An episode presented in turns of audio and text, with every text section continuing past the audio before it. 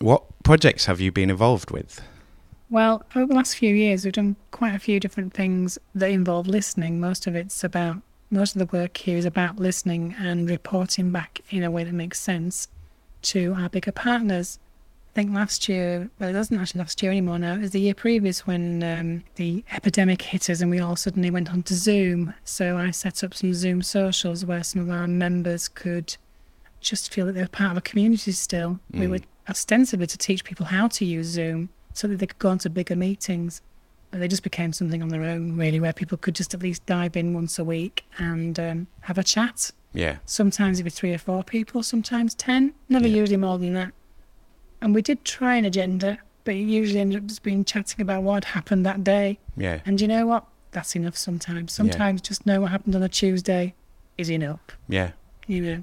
What are the highlights? What are you most proud of or excited by?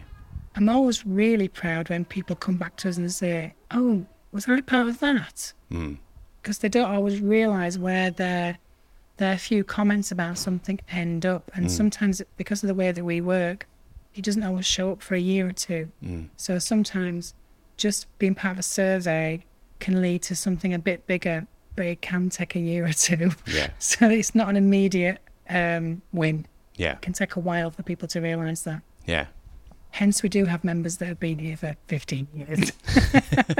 and some of their things are finally getting noticed. So, how did you get involved? Well, I think like everyone else here, I came to work for one little project and stayed. I think I was giving out leaflets in Chapel Town about diabetes and health. And uh, I also did a little bit of work on some transport outreach, um, standing in Leeds, talking about uh, changes that would be coming and to people realise that those changes coming to the bus services near them. And then I've been working on different projects with outreach ever since and now I'm full time. In terms of the future, what are you going to do in the future or what would you like to see happening in the future? I think it's still back to the original thing that Lip started out doing, which was listening to real people on the ground. Mm. Um, I think everyone ended up answering to the big parties that be, Mm. and we we often do feel like we're just ticking boxes, but when you start talking to people really in some of that conversation cafes that we're doing now, you can never judge a book by its cover. Mm. Everyone's got an amazing story to tell. Whoever you talk to, they've always got something that Mm. you just go, wow, didn't see that coming. And everyone's part of a big system and everyone counts Why do you come to work? because I enjoy it. and it's uh, I could actually at the moment today stay here till eight nine o'clock today and, and um, probably enjoy my day. We've got so much on at the moment that it's quite exciting. Um, I'm really enjoying being part of a great team. There's some really really great people here. As the newest member of the team, why is involvement important to you? I think it took me a long time to understand what involvement was in a sense, um, and and now I understand it. I'm not always sure I can actually portray to other people what involvement is.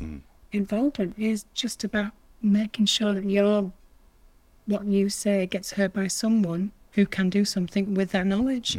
Um, I think I'm really. I think we're all going back now with this, with the COVID thing into being community involved. We're all looking to touch something local to us again Mm. um, and feel that we do count. Mm. So I think that's what involvement is making sure that you do count